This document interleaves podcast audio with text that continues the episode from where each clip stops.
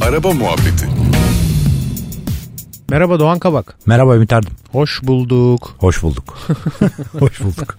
Ne Ben konuşuyor? yine- Ba- a- aynı anda O- girmeyelim. a- a- o- a- a- Bak bir şey diyeceğim. Ben yine hepimizin hayatında önemli bir yeri olan bir konu buldum sana. Sen park. de park. Park etmek. Oo, yatay mı dikey mi?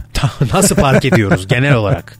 Genelde çapraz aslında. Yatay dikey olan yerlerde çaprazı seviyoruz. Ya genel olarak kötü park ediyoruz bence. Bence de. Park etmek aslında çok kolay bir şey. Ee, ama işte birkaç tane tri var. Onları yaptıktan sonra okey yani genelde e, yatay park etmede sıkıntı yaşıyoruz.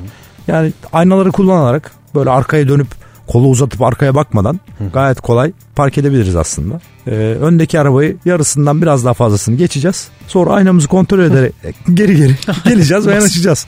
Bu kadar basit aslında. iki ya da üç hamleyle yanaşabiliyoruz ama biraz tabii pratik de gerektiriyor bu.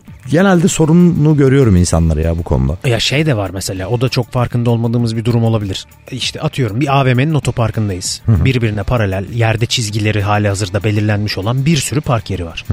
Bu park yerlerine boşken ya da değilken genel alışkanlık veya belki biraz tembellik olarak böyle bir gelip hemen kafadan girme var. Bu aslında e, aklınızda olsun. Geri geri park etmek her zaman daha kolaydır. Çıkışı da çok rahattır. Bir de park ederken rahat olmasının sebebi dönüş yapan tekerlekler öndeki tekerlekler olduğu için siz durup bir yerde geri geri gelirken o e, yarı çapı büyütüyorsunuz daire yarı çapını. Dolayısıyla hareketiniz çok kolaylaşıyor. Hani sırf burada boş yer var, dur hemen şuraya iki dakika kafadan gireyim dedim mi o senin çıkışını bitiriyor aslında. Girişi de zorlaştırıyor. Giriş, de zor, yani. Bir de yan yana herkes zaten konserve gibi park ediyor. Şimdi her yerde araba park etmek zorundayız. Dolayısıyla e, hem ufak hasarlı kazalar oluyor hem de birbirimizi zorluyoruz aslında kullanıcılar olarak. Kapı açma bombesi diye bir gerçek var ya bizde. Abi hepimizin şoför ve yolcu kapısında bombe var. Gamze. Gamze. Gamze var abi.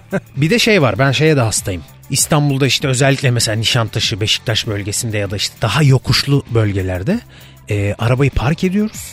Fakat kendimizce bir tedbirimiz var bizim. O lastiği dönük bırakma. Tabii. Arabam kayar, kaçar bir şey olur. Kaldırıma takılıp dursun. Aşağı kadar inmesin ya da olmasın gibi bir bizim bir tedbir sistemimiz var. Fakat özellikle İstanbul'un dar sokaklarında e, hatta bunu biraz daha genişletebiliriz. AVM'de bile aslında biraz geçerli. Yani lastiği dönük bırakmak da bizim için e, kullanıcılar için bir sıkıntı. Bir kere riskli. Ee, dar sokakta diğer araba geçerken ani bir şeyde lastiğe böyle bayağı arabanın komple yani takılabilir araba. Tabii Gerçekten, Takıp alır lastiği. Tabii alır lastiği ve ciddi bir hasara yol açabilir. E zaten her yer kurye şu anda motosikletli arkadaşlarımız geçecek yer bulamıyor. Abi geçiyorsun bir yer var geçecek bir bakıyorsun lastik dönük kalmış hayda orada kalıyoruz filan. Ee, o da tehlikeli yaya bile takılıyor lastiğe. Hakikaten öyle bir durum da var yani. Ben tabii böyle yayı, takılmış şeye gördüm ya. Tak, gidemiyor böyle. Sims gibi değil mi kalıyor öyle? Bug var. Bug var abi bak. Sen daha teknolojiksin tabii. Tabii, YouTube, YouTube biliyorsun. o işi. Ben bilmiyorum mesela. Çizgilere bile riayet etmeyen kullanıcılar Abi var. işte bizim sitenin otoparkından biliyorsun beyaz çizgiler vardı. Evet ya. Biraz silinmişti yani çok değil bu arada yani birazcık silinmişti. Çarpıklaşmaya başladı parklar. Şimdi sarı böyle artık hani yani göremeyecek insan yok onu. Tabii. Öyle bir fosforlu sarı çizdiler. Gene de bir çaprazlıkla. Buradan bizim site otoparkına sesleniyorum. Bir de bize günlerce mail atıldı, hazırlığı Evet. yapıldı. Biz arabaları koymadık mesela işte boş bıraktık. Ertesi gün çizgi çalışması olacak diye. Dedim ki süper. Çözüldü bu iş. Ee, ama çözülmedi ya. Yok. Bizim Vallahi. bir tane komşumuz var mesela. Dinliyorsa bizi. hani hiçbir şekilde ya asla tutmuyor çizgiyi yani. Niye? Ama bilin bakmıyoruz abi dikkat etmiyoruz. Bence geliyor evden yorgun argın atıyor. "Ha, tamam kalsın böyle iyi diyor devam Baba ediyor. hepimiz yorgunuz be. Doğan İstanbul'da yaşayıp yorulmayan yok abi. Bu bir bahane değil yani. Değil. Lütfen çizgilerin içinde bırakalım araçlarımızı. Bir de bak çizgiye riayet edip bak bir şey diyeceğim. Çizgiye riayet ediyor abi. 10 numara bırakıyor bak. Hiç değmiyor çizgiye ama mesela sola ya da sağa yakın. Ya- Yakın evet.